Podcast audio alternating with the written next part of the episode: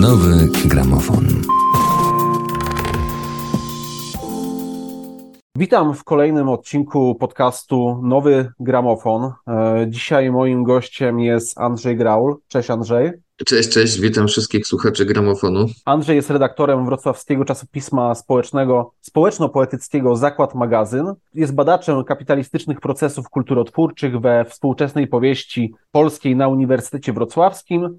Od niedawna również jest powieściopisarzem. E, Jego debiut Inspektor Wołeczek i Żar Czung Palarmy ukazał się niedawno nakładem wydawnictwa Glowbook. Książka oraz nasza dzisiejsza rozmowa zostały dofinansowane ze środków Ministerstwa Kultury i Dziedzictwa Narodowego w ramach zadania Program Wsparcia Współczesnej Literatury Niekomercyjnej przez Instytut Literatury. I właśnie książkę Andrzeja kupicie w sklepie IL-u, do czego serdecznie zachęcam. Spotkanie rozpocznijmy klasycznie może od przeczytania fragmentu. No Dobrze, z wielką chęcią. Z najwyższą możliwą pogardą minąłem bogaczy i wstąpiłem po marmurowych schodach do góry, prosto do głównego holu bibliotekali. Tuż przed drzwiami moją uwagę przykuło dwóch młodych chłopców stojących przy ogromnych kartonach. Obładowano nimi przytroczony do osła wózek. Podszedłem, zaciekawiony. Chłopcy, a co wy tak stoicie z tymi kartonami? Co wy tam w nich macie? Witam szanownego pana. Ja jestem Reg, to jest Ster. Pracujemy dla Biuletynu Informacji Miejskiej, prowadzimy spis książek wypożyczalnych przez mieszkańców. Nasza praca nie ma być oczywiście narzędziem totalnej inwigilacji. Chcemy służyć pomocą przy reklamowaniu najnowszych produktów literackich. Choć wpis jest obowiązkowy, jego odmowa skutkuje wezwaniem przed sąd oraz imienną grzywną, to proszę się nie martwić, ponieważ bardzo nam zależy na zachowaniu poufności danych osobowych wszystkich czytelników. Nie rozumiem. Po co wy tutaj, chłopcy, skoro takimi rzeczami może zajmować się sama biblioteka? Proszę pana, przede wszystkim chłopcy to są w przedszkolach lub agencjach towarzyskich. My jesteśmy młodsi referenci. Reg i Ster napięli synchronicznie wcale nie wątłe bicepsy, wyciągając spod znoszonych swetrów przybrudzone mankiety. Wracając do pańskiego pytania. Niestety Chung Palarma Bibliotekala odmówiła współpracy z władzami miasta. Nie dali nam nawet krzeseł czy dystrybutora kawy lub baniaka ze świeżą wodą. Stoimy tu 12 godzin dziennie o suchym pysku i pustym brzuchu. Wyobraża pan sobie, jakie to katusze? A to wszystko wcale nie jest spowodowane pragnieniem radców, by posiadać pełnię władzy o mieszkańcach. O nie! My, to jest biuletyn, chcemy tylko jak najlepiej spersonalizować reklamówki, by czytelnicy bibliotekali mieli w życiu wygodniej. Prawda, Ster? Mhm. Drugi z bliźniaków mruknął jedynie, wpatrzony w tłustą papugę drepczącą po schodach. Po chwili błyskawicznym ruchem ulicznika wyciągnął procę i załadował ją kambolcem. Bang!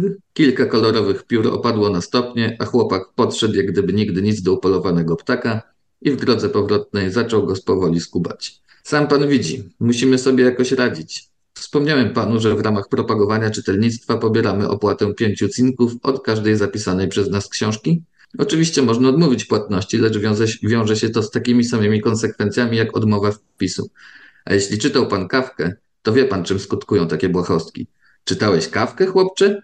Ja nie czytałem, ale to nazwisko tak wielkie, że nie dało się nie słyszeć. A jakże? Jeśli czytać, to porządną literaturę, proszę pana. Ja tam nie wyściebiam nosa poza klasykę. Wszystko, co jest teraz, kiedy już było.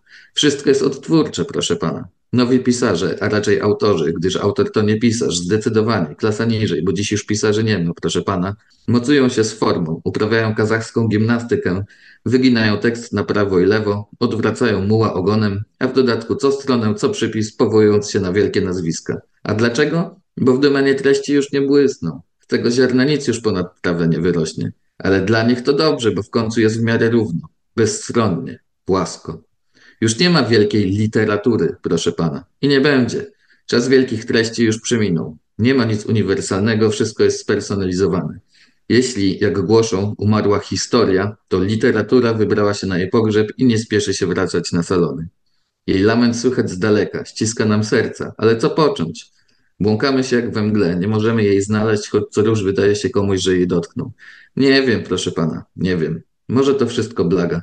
Chyba trochę pomieszałem pojęcia, trochę się zagalopowałem. Widzi pan, ja bardzo lubię mówić, gdyż w trakcie mówienia krystalizuje się myśl. To chyba trochę jak Polok albo Frankowic, nie sądzi pan? Kocham rzucać farbą słów, bo w trakcie lotu uzasadnia się sam gest. Dzięki temu obraz staje się pełniejszy, nabiera sensu. Tworzy się tu i teraz. Widzi pan, współczesna sztuka, w przeciwieństwie do literatury, ma to do siebie, że oddała już odpowiedzialność za znaczenie w ręce kontekstu. stając się szczerze pustą. Jeśli przyjmiemy, nie mogłem go już dłużej słuchać. Nie był ważny, ani bogaty, ani atrakcyjny, by miał dłużej udawać zainteresowanie. Czy był mądry? Nie mi to oceniać. W dzisiejszych czasach powinniśmy porzucić wartościowanie na rzecz interpretacji.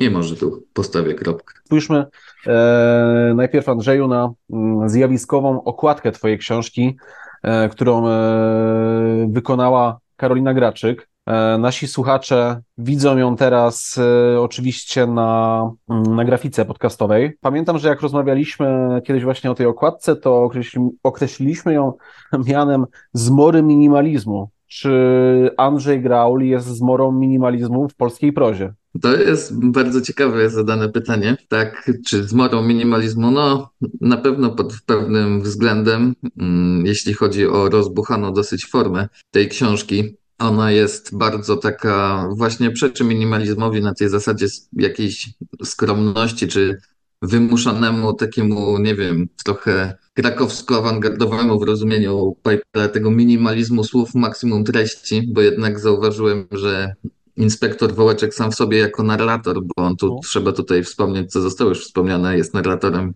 pierwszoosobowym. Mhm. On potrzebuje przestrzeni do swojej ogromnej rozkminy, on bardzo lubi się uzewnętrzniać i to wszystko jest taką wielką pianą w zasadzie słów. Na pewno nie jest to precyzyjny strumień, który trafia i nie zbacza ze swojego kursu. Czy jestem zmorą minimalizmu? Tego bym nie powiedział, ale na pewno chciałbym, żeby ta książka stanowiła dla takiego literackiego minimalizmu jakiś, jakąś alternatywę i ta okładka też taka miała być, żeby przyciągała uwagę i żeby stanowiła właśnie coś innego od takiego coraz bardziej popularnego, czy też po prostu mocno trzymającej się tendencji, żeby te okładki były takie właśnie jakieś abstrakcyjne. Ale też bym chciał tak właśnie zauważyć, że jeżeli mm, rozmawiamy o tych e, o, okładkach cyzelowanych, e, takich minimalistycznych i tak dalej, to no one często zbierają dosyć łatwy e, poklask, podobnie jak tego rodzaju literatura nadmiar, rozbuchanie, no jednak kojarzy się, przynajmniej tak mi się wydaje, odbiorcy z klasy średniej, który, który sięga najczęściej po taką poważniejszą literaturę, czymś, z czymś ludycznym, z czymś trochę karnawa, karnawałowo przesadzonym i, i, i gdzieś, gdzieś go to może może odstręczać i może na tym wiele tracić. Nie wiem, jak ty to widzisz. Tak może być. Przede wszystkim wydaje mi się, że bardzo mocno tutaj też wchodzi w grę już na kilku spotkaniach i poniekąd mm, pewna optyka, którą Wołeczek, czy też łatka, którą Wołeczek już zdążył utrzymać, czyli z pewną kampowość. Mhm. Jest to takie właśnie sformułowanie, czy estetyka dość obca tym gustom, o których powiadasz, kojarząca się nie najlepiej. I może tak być, że właśnie w pewnym kręgach literatura piękna czy literatura poważna właśnie powinna się kojarzyć z takim jakimś głębokim namysłem, właśnie z precyzją, z takim starannym i rozważnym stawianiem słów, zwłaszcza właśnie w prozie, czemu Wołeczek wszystkiemu przeczy, aczkolwiek nie jest to też tak, że jest to literatura bezsensowna i bez namysłu, ale tak trochę też właśnie uważam i tym projektem wraz z Karoliną, y, która doskonale zrozumiała estetykę Wołeczka, była protoczytelniczką tej powieści, od razu wiedzieliśmy, co chcemy osiągnąć i że okładka czy też grafika, ta ilustracja ma wywoływać e, zaciekawienie i pewien rodzaj również szoku w starciu, zwłaszcza z tymi minimalistycznymi niektórymi projektami. Także sam ten projekt e, ilustracji, jak i cała książka, on jest bardzo właśnie w pewien sposób pulpowy, odwołujący się jednak do kiczu świadomie mhm. i pogrywający z takimi utartymi estetykami czy modami.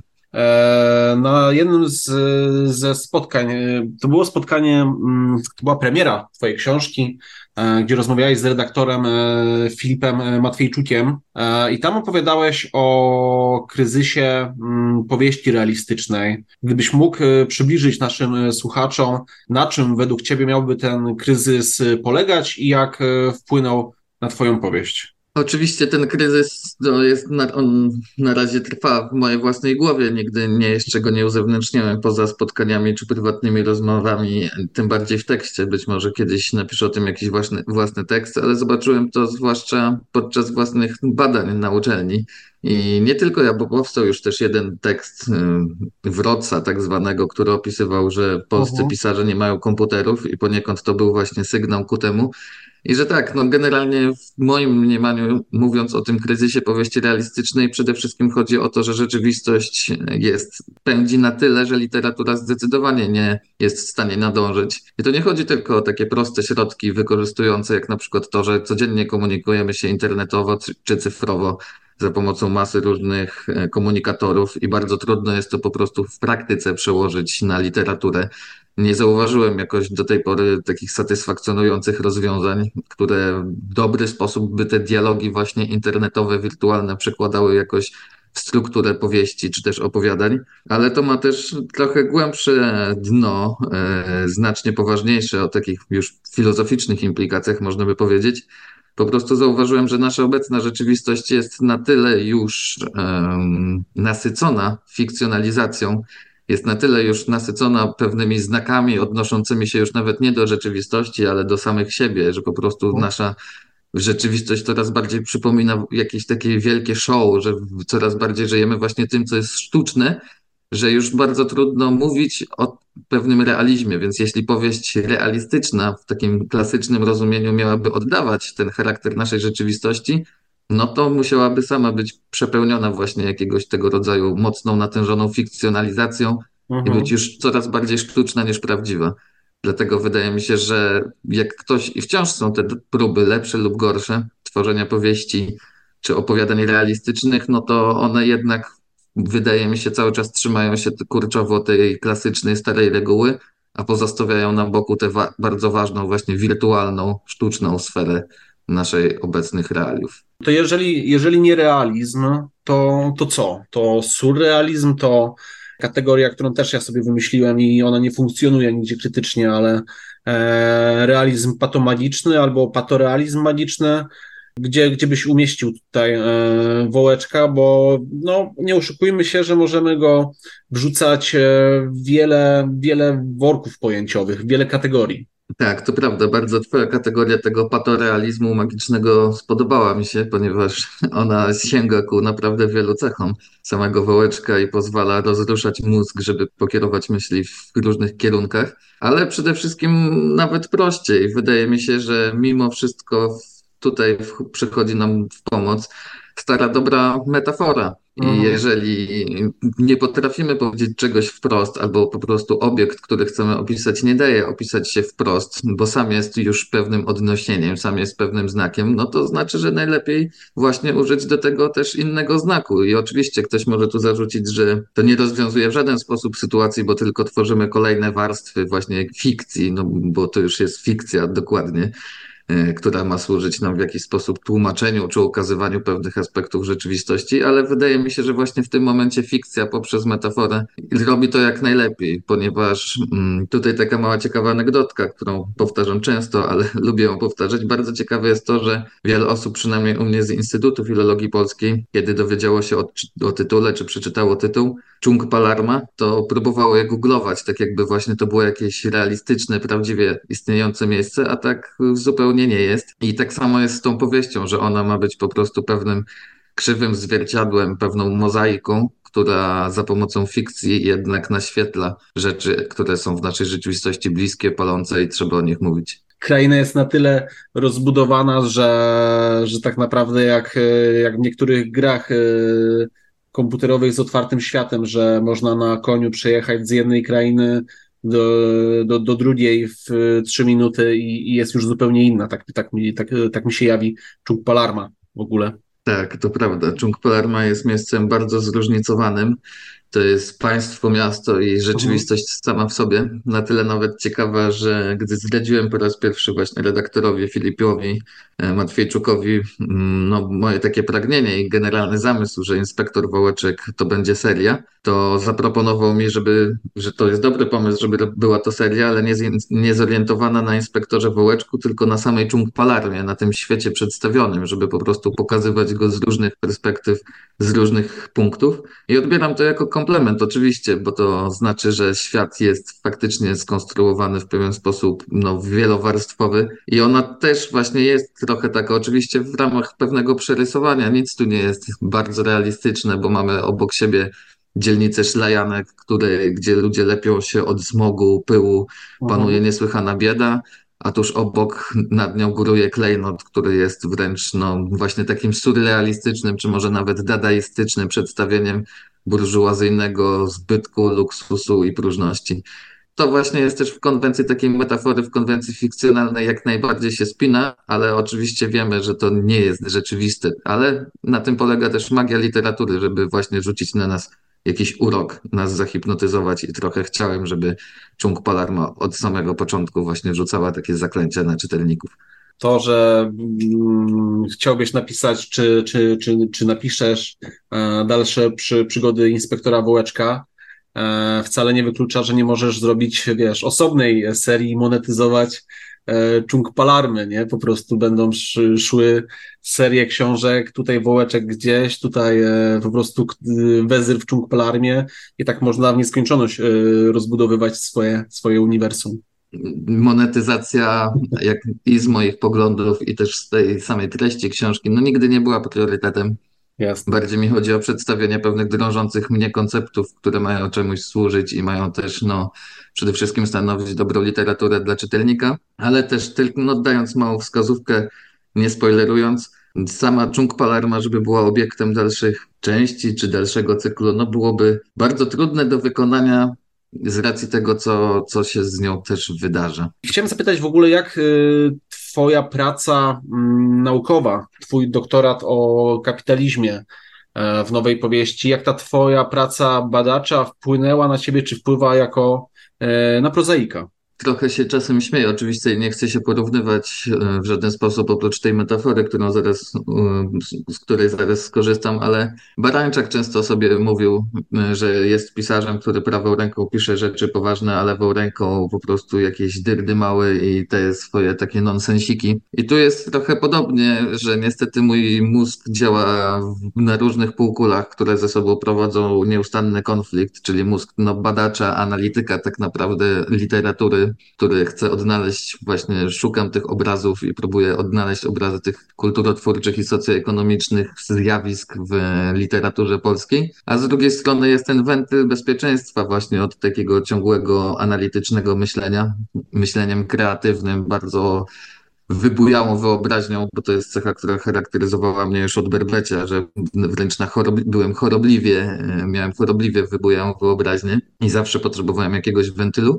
Niemniej jest, jest kilka tych fragmentów, gdzie te, dwa, te dwie fascynacje moje się przecinają i na przykład korzystałem z pewnych inspiracji teoretycznych, które po prostu podczas badań, do których sięgnąłem, które wykorzystałem w Wołeczku. Tutaj też może taka mała wskazówka dla czytelników, że w pewnym znaczącym dosyć fragmencie jest całkiem obszerny kryptocytat z długu Davida Grebera, który, z którym zapoznałem się tak naprawdę właśnie, bo potrzebowałem go do moich badań więc to jest też takie uzupełniające się i trochę daje temu wołeczkowi właśnie taką podbudowę teoretyczną tak naprawdę. Natomiast e, jeszcze też troszeczkę wracając do tego tematu realizmu, sytuacje, postaci, e, rozwój akcji, e, nie, nie, moglibyśmy nazwać ich faktycznie realistycznym, natomiast już moglibyśmy tutaj pokusić się o to, żeby powiedzieć, że w pewny sposób są one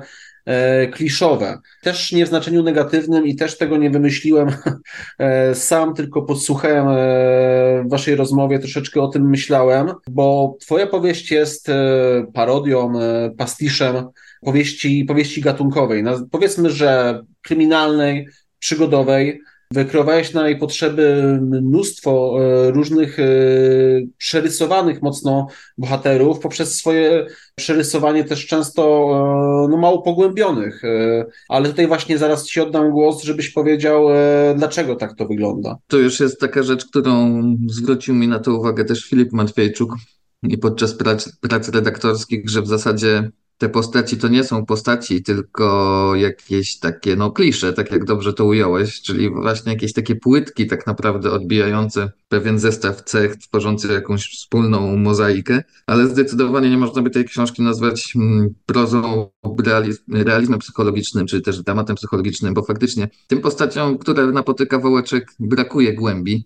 Jemu samemu tak naprawdę brakuje głębi jako takiej, choć gdzie niegdzie coś się odkrywa w zakamarkach jego duszy, czy jestestwa, jego jaźni, co może nam wskazywać na jakieś głębsze pokłady, ale nigdy się tak naprawdę nie dowiadujemy, co tam tkwi. I o to też mi chodziło, żeby każda z tych postaci właśnie na zasadzie metafory służyła jako pewne odniesienie rysowane do pewnych zespołów cech naszego społeczeństwa, które nas po prostu w jakiś e, sposób charakteryzują żeby każda z tych postaci reprezentowała sobą pewne właśnie no, klisze, którymi łatwo jest się posługiwać. I też z takiego po prostu już rzemieślniczego, artystycznego punktu widzenia po prostu klisze są znacznie łatwiejsze do ogrywania i są znacznie też bardziej skuteczne. Jeżeli chcemy również, żeby coś było zabawne, a bardzo zależało mi na tym, żeby inspektor Wołeczek e, nie był nadęty, nie był właśnie jakiś przesadzony intertekstualnie, ale żeby non-stop działał ten wentyl bezpieczeństwa, czy też taki hamulec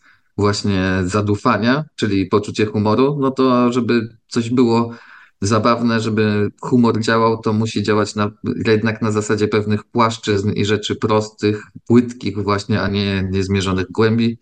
Także wydaje mi się, że ten środek został tutaj zastosowany raczej z sukcesem. Co oczywiście nie znaczy, że te postaci nie są ciekawe, bo mogłoby to tak zabrzmieć, ale to już pozostawiam czytelnikom tak naprawdę do oceny, jak czy im się spodobają, czy zostawiają w nich jakiś ślad na dłużej. No bo humor w Wołeczku jest e, niezwykle istotny. Ja chciałem zapytać, czy dla Ciebie jako autora jest e, najistotniejszym e, komponentem albo mm, zamierzonym efektem tej książki, czy jest tylko środkiem do celu, żeby jednak powiedzieć o czymś ważniejszym? No właśnie, jeśli chodzi o to poczucie humoru, to jest z nim taka sprawa, że to raczej miał być środek do celu. Nigdy to nie miało być też na celu, żeby inspektor Wołeczek był w pewien sposób powieścią stricte komediową i żeby właśnie wywołanie śmiechu było celem samym w sobie. Nie, wydaje mi się, że poczucie humoru, w sensie poczucie humoru, no żart jako taki dowcip jest po prostu bardzo dobrym narzędziem, które wspomaga pisanie metaforyczne i wspomaga też tworzenie świata, bo nie tylko postaci mogą być zabawne, mogą być zabawne również sytuacje, mogą, może być zabawne krajobraz, twierdzi, no ale też sam fakt tego, tak naprawdę co, trochę się cofnę do procesu pisarskiego, że jak urodziła się we mnie ta postać Wołeczka ja tu lubię się śmiać, ale jest to zgodne z prawdą, że poniekąd ten inspektor Wołeczek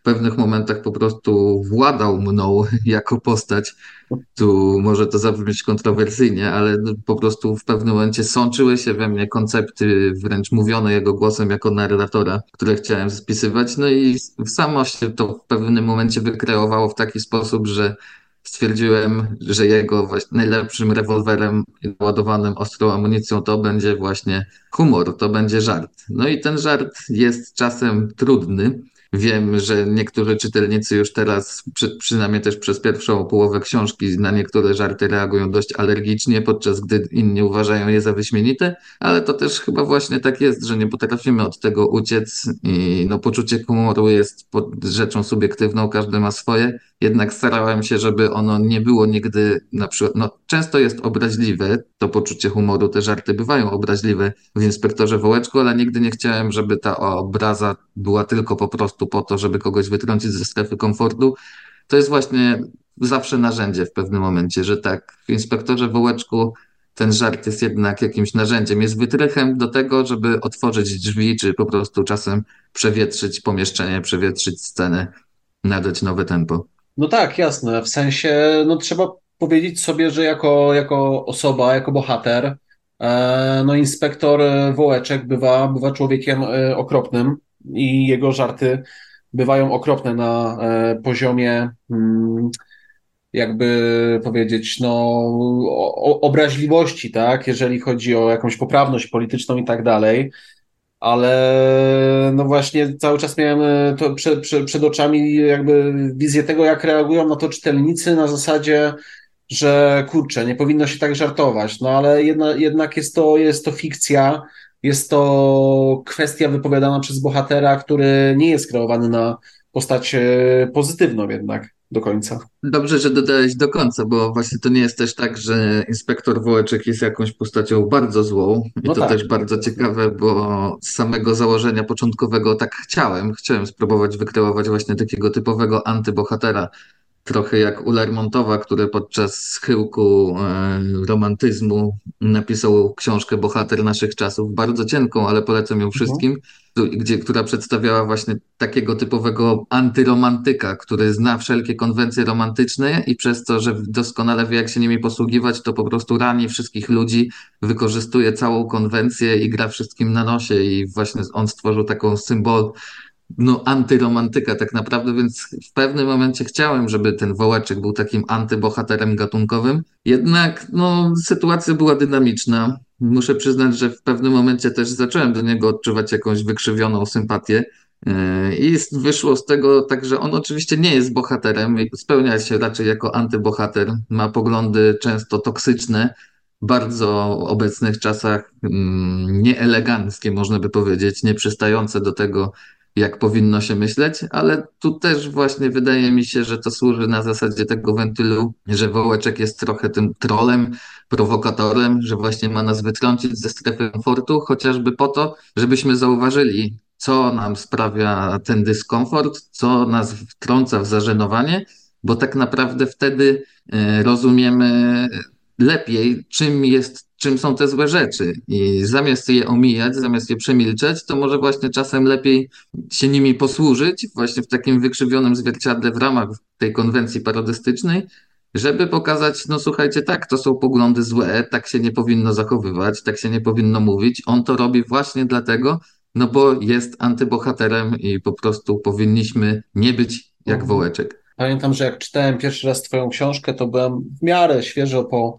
po grze Disco Elysium e, i znajdowałem mm, sporą przyjemność w wyobrażaniu sobie, że inspektor Wołeczek jest jakby bohaterem osadzonym w tym, w tym świecie, albo, albo na odwrót, że jest bohaterem z Disco Elysium przeniesionym do Chung Palarmy, gdzieś mi się rymował z tym, e, z tym głównym bohaterem Disco Elysium, w tej wersji powiedzmy właśnie kampowej kiep, kiepsko Elysium, tak, też rymował mi się z Johnem Englishem, Leslie Nielsenem, porucznikiem Borewiczem. Także są to postaci, których nie postawilibyśmy za wzorzec e, nowoczesnej męskości. Też budzą jakąś sympatię poprzez, e, poprzez swoje wady, poprzez swoją e, fajtłapowatość, poprzez swoje e, trochę zagubienie w nowoczesności. Nie wiem, jak ty to postrzegasz. Tak, tak jest. Właśnie bardzo ciekawy jest ten mechanizm pewnego utożsamiania się z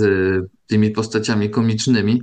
Właśnie bardzo często to są postaci komiczne, prawda? Że to jednak antybohaterstwo jest łatwiej pokazać w sposób no, wykrzywiony za pomocą humoru, który od razu stanowi jakiś taki bufor bezpieczeństwa, wydaje mi się. Nie wiem, jak sądzisz, ale mam tu wrażenie, że gdyby ktoś chciał napisać takiego właśnie antybohatera, mizogina, męskiego, toksycznego, maczystę, ale w sposób, no to już samo z siebie tak naprawdę stworzenie takiej postaci no, zakrawa na pewną żartobliwość. Już samo się w mojej głowie jakoś wygina, że chyba nie byłbym w stanie napisać takiej postaci nieprzerysowanej, czy by właśnie w taki sposób, żeby to nie nawarstwiało się, ale faktycznie tak jest, że te postacie właśnie w sposób swój komiczny, te fajtłopowatowość i dziwne zachowanie budzą tego rodzaju też sympatię i trochę też jest tak z tym właśnie inspektorem Wołeczkiem.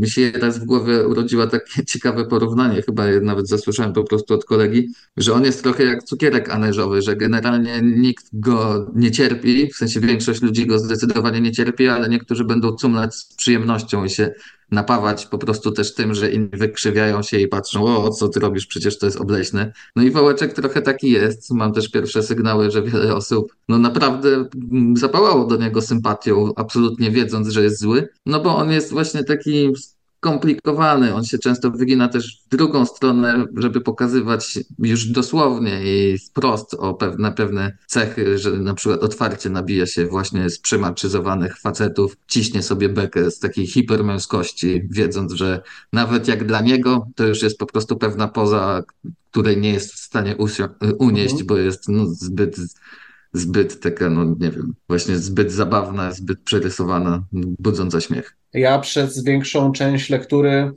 e, uważałem Wołeczka za, za agenta, potem za podwójnego, potrójnego, poczwórnego agenta, gościa, który sam się już gubi e, w swoich tożsamościach, e, w swojej ciągłej grze. Więc na pewno, na pewno gdzieś ta, gdzieś ta sympatia była mm, z mojej strony. Natomiast y, ja chciałem Cię zapytać, y, już troszeczkę odchodząc od głównego bohatera, o, o innych bohaterach, o których mówiliśmy troszeczkę, w jaki sposób są skonstruowani, e, czy na jakich zasadach. Natomiast jeżeli miałbyś nam e, podać e, ulubionego bohatera swojej książki, no i przyjmijmy, że nie jest to Wołeczek, to kogo byś wskazał? To jest, no, to jest bardzo dobre pytanie. Nie byłem na nie tak przygotowany mentalnie. W sumie nigdy go sobie też nie zadałem, więc to jest świetne pytanie. I jakby to powiedzieć, wydaje mi się, że mam dwóch faworytów i skłaniałbym się jednak ku temu może mniej oczywistemu, czyli profesor, profesor Wezyr. I to jest być może faktycznie postać drugoplanowa, pojawia się dopiero gdzieś w połowie powieści. Jednak on podoba mi się nie ze względu na to, co sobą reprezentuje, bo reprezentuje sobą wszystkie te rzeczy, których tak naprawdę najbardziej nienawidzę, czyli pewne wręcz e, już pornograficzne rozpasanie i samouwielbienie swoim pięknym ciałem, a z drugiej strony wręcz też pornograficzne rozpasanie kapitałem, bo mhm. on jest tym właśnie głównym katalizatorem kapitału. Ale co najbardziej mi się podoba w tej powieści, to jest to, że wnikliwy czytelnik, czy czytelnik po prostu może nagle odkryć, że to jest postać kluczowa dla całej narracji. I ja może nie będę tutaj spoilerował, dlaczego chciałbym zostawić kilka wskazówek. Co prawda zaznaczyłem to na krakowskim spotkaniu u Was pubie Baza, mhm. na szczęście. No i sęk dlatego, ponieważ, no powiem tylko tyle, że profesor Wezyl jest największym nemezis, jak się dowiadujemy, mhm. inspektora Wołeczka i jest w dodatku telepatą, który non-stop czyta mu w myślach, a przecież inspektor Wołeczek prowadzi narrację w pierwszej osobie.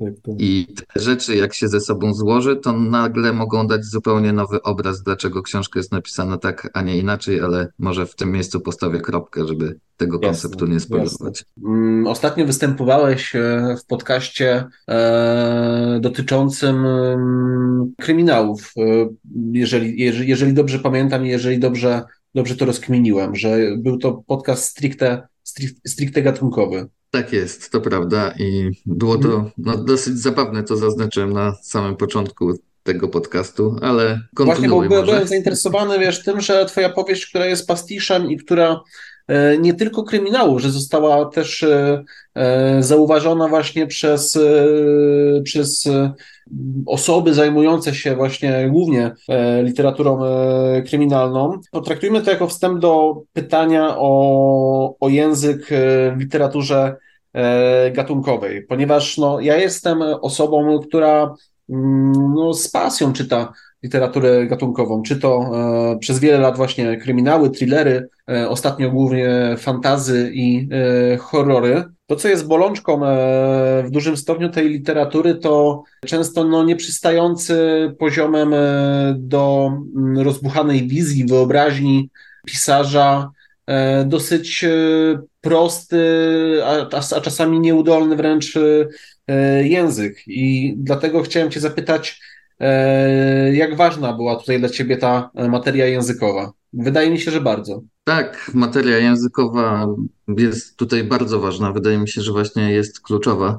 Trochę też nawiążę do tego, dlaczego zostałem zaproszony do tego podcastu kryminalnego, bo to się wiąże z tym pytaniem, ponieważ prowadząca już off the record powiedziała mi, że dla niej właśnie jako dla osoby zajmującej się praktycznie cały czas tą tym gatunkiem już bardzo obeznanym, no właściwie kluczowym, dominującym z perspektywy rynkowego książki, to powiedziała, że dla niej to było, nawet oczywiście wiedziała, że inspektor Wojciech w żaden sposób nie jest kryminałem i też w pewnym momencie nawet trudno powiedzieć, żeby on był stuprocentową parodią kryminału, bo ta, mhm. ten koncept w pewnym momencie też gdzieś się tam rozmywa. W każdym razie powiedziała, że to było przepiękne po prostu właśnie takie otworzenie okna i że chociażby w ramach tej konwencji, czy parodii tej konwencji to jest coś niesłychanie świeżego, właśnie z powodu języka, jaki został tu ujęty. Muszę przyznać, że ten język długi czas mi zajęło wypracowanie pewnego właśnie środka, w jaki sposób jednak mam go użyć ponieważ mm, pierwsze wersje książki były jeszcze zdecydowanie bardziej przegięte i korzystały z takich już naprawdę mocno metateoretycznych narzędzi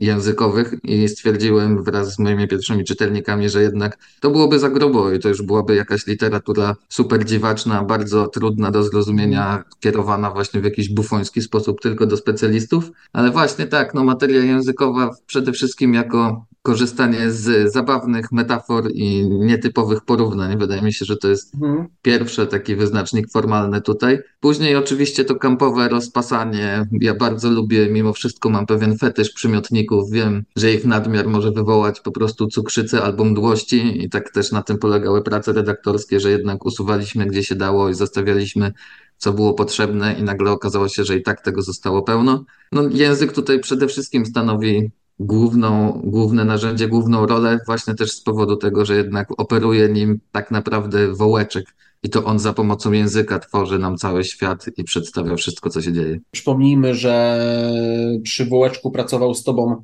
Filip Matwiejczuk, e, znakomity poeta. No i chciałem cię zapytać jeszcze właśnie parę słów, jak e, jakbyś mógł zdradzić troszeczkę jeszcze od kuchni, jak ta relacja pisarz, redaktor wyglądała i co tam jeszcze pokombinowaliście razem? Każdy debiutant ma podobne odczucie, podobny strach właściwie tak naprawdę że o Jezu, oddaję mój tekst, oddaję moją książkę, teraz ludzie go wezmą w swoje ręce, zaczną go zmieniać na swoje widzimisię, ja będę musiał się zgadzać albo nie zgadzać. Ja nie chcę tego, to już jest tekst, który wydaje mi się, że jest gotowy, ale muszę przyznać, że właśnie Filip Matwieczuk to był strzał w no, bullseye tak zwany, ponieważ bardzo potrzebowałem nie tyle też redaktora językowego, bo ten język jednak w pewnym momencie mocno ustalony i się po prostu bardziej skupiliśmy na takiej redakcji konceptualnej i po prostu prostu pewnej łatwości też e, czytania, dostępu tego tekstu w pewien sposób uproszczeniu go, żeby nie był aż tak nadęty i tak przefazowany. I tu właśnie Filip bardzo mocno mi pomógł. I na samym początku, tak jak docieraliśmy się trochę, że jednak stawiałem niegdzie opory i walczyłem o jakieś pojedyncze słowa, nawet mówiąc, że one są kluczowe, to już później widząc jak, jakimi tak naprawdę konceptami właśnie Filip operuje i jak widzi i jak czuje tę książkę, a okazało się, że czuje ją bardzo podobnie do mnie, to w pewnym momencie nawet przystawałem na takie rzeczy, żeby wyrzucić półtora akapitu z początku jednego rozdziału, bo wiedziałem, że ma rację, że tak będzie lepiej, tak będzie płynnie i to jest zbędny naddatek.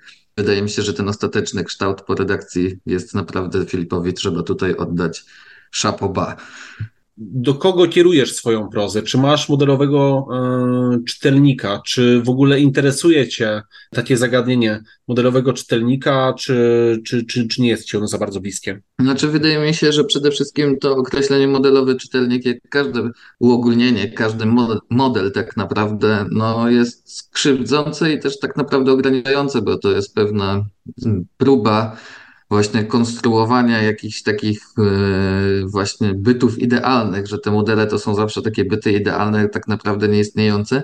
Ale oczywiście podczas pisania miałem pewne preferencje co do tego, do kogo kieruje tekst, kto go po prostu być może nie tyle co lepiej zrozumie, bo to zabrzmi jakoś bufońsko, ale kto po prostu będzie czerpał większą przyjemność z czytania go. No i tak jak mówiłem na samym początku, ten koncept powieści był generalnie strasznie mocno przesadzony właśnie w kierunku teorii. Miałem naprawdę taką ambicję zrobienia jakiejś wręcz poststrukturalnej powieści, która nagle zrozumiałem, że to nie ma żadnego sensu, bo to byłoby ciekawe jako po prostu jakiś eksperyment, być może dla kliki badaczy, ale ani to byłaby łatwa, ani przyjemna lektura. Ale wracając, na pewno ta powieść jest skierowana do ludzi, którzy przede wszystkim bardzo lubią właśnie pewne wykwity i zachwyty wyobraźni którzy lubią dać się ponieść fikcji, e, którzy niekoniecznie poszukują właśnie realizmu, czy być może takiego autentycznego dramatyzmu w powieści. ponieważ tutaj jak dramatyzm się pojawia, to i tak on jest przymrużeniem oka. Mhm. No i właśnie dla ludzi, którzy lubią czerpać dobrą rozrywkę podczas lektury, lubią się uśmiechnąć, ale też przy tym dla ludzi, którzy lubią teksty mm, dekodować. Ja jestem jednym z takich czytelników, no i oczywiście wydaje mi się, że nie da się uciec od własnych inspiracji lekturowych, własnych inspiracji tego, co lubimy czytać mm, podczas gdy się pisze.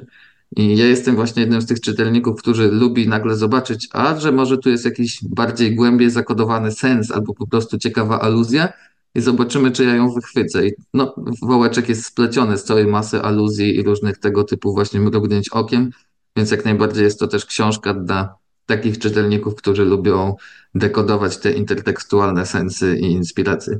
Jasne. A jeżeli właśnie miałbyś nam e, rzucić e, e, nawet niekoniecznie pod kątem lektury i szukania, szukania właśnie tropów stricte w wółeczku, w sensie jakichś dekodowania fragmentów i tak dalej, ale mm, kilka nazwisk, kilka przykładów w ogóle pisarzy, którzy cię inspirowali przy, przy pisaniu tej powieści przede wszystkim no, koronnym, takim, który ustawił mnie przez długi czas i to dlatego, bo zacząłem go czytać nastolatkiem będąc, a że wydawał książek dużo i cały ten cykl, cały stworzony przez niego świat komplementarny towarzyszył mi bardzo długi, długi czas, co mocno zadziałało na moją wrażliwość literacką, artystyczną, ale też i społeczną można, można tak ująć, no to przede wszystkim Sir Terry Pratchett, którego łuk rozwoju samego twórczości od tych pierwszych trzech dosyć trudnych e, książek, później jego rozwinięcie właśnie świata dysku, serii Świat Dysku uważam, uważam za absolutnie genialną.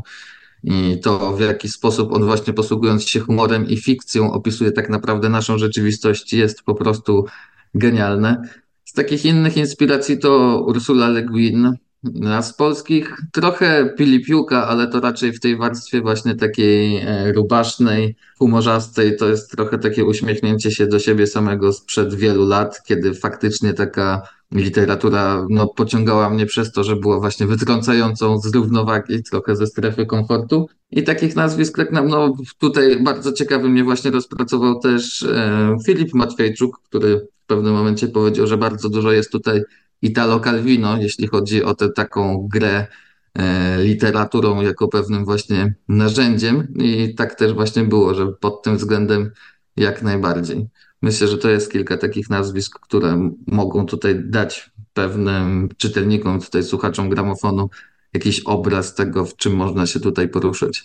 No i też poetów klasycznych przede wszystkim, ale tu już może nie będę zdradzał, bo w samej, w samej powieści są wręcz prawie, że bezpośrednie odwołania i gry z ich konwencjami. Ale gdyby miało dojść do ekranizacji Wołeczka, co byłoby czymś dla mnie absolutnie wspaniałym poprzez, poprzez właśnie między innymi rozbuchanie e, tego świata, e, estetykę, poprzez e, estetyczny też, właśnie estetyczny rozmach, to, to kto mógłby to zekranizować? Możemy tutaj też popuścić właśnie jak w powieści Wodzy Fantazji. Bez wahania wiedziałbym tutaj po prostu duet, być może trudny do wyobrażenia, ale wydaje mi się, że to byłby duet, który świetnie by rozpracował inspektora Wołeczka w takiej konwencji, to byłby duet Jim Jarmusch i Quentin Tarantino. Ciekawe, ciekawe połączenie e, by z tego wyszło.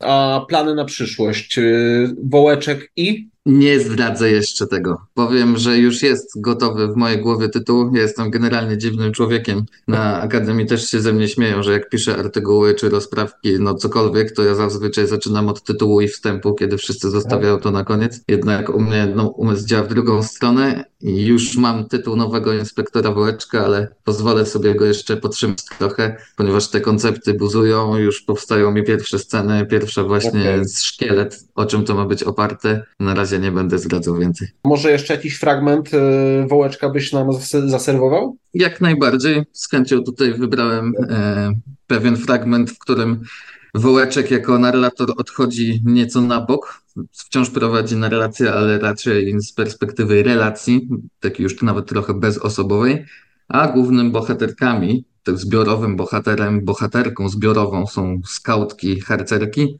Jest to fragment e, rozdziału Zaslubiny z sukcesem i dramat Chung Palarmy. I pierwszym aktem tego dramatu Chung Palarmy są właśnie harcerki. Wszystko zaczęło się od ciasteczek.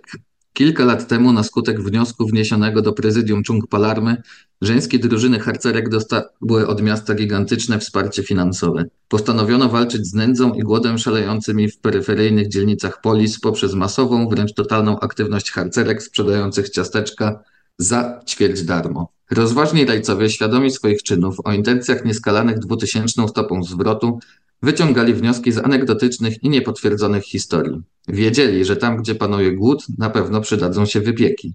Z miejskiej kasy, zadłużonej po uszy u prywatnych inwestorów, spłynęło złoto. Hercerki nie tylko błyskawicznie rozwinęły polową sieć produkcji ciasteczek, ale równolegle zorganizowały sprawny łańcuch dostaw między pojedynczymi punktami i większymi lokalnymi wytwórniami. Wszystko, co sprzedawały, przygotowywały same. Kaiser wie skąd nosiły drewno na kioski, jak wyplatały plandeki i wypalały cygiełki, gdzie lepiły naczynia i piece, uprawiały poletka, piekły ciasteczka.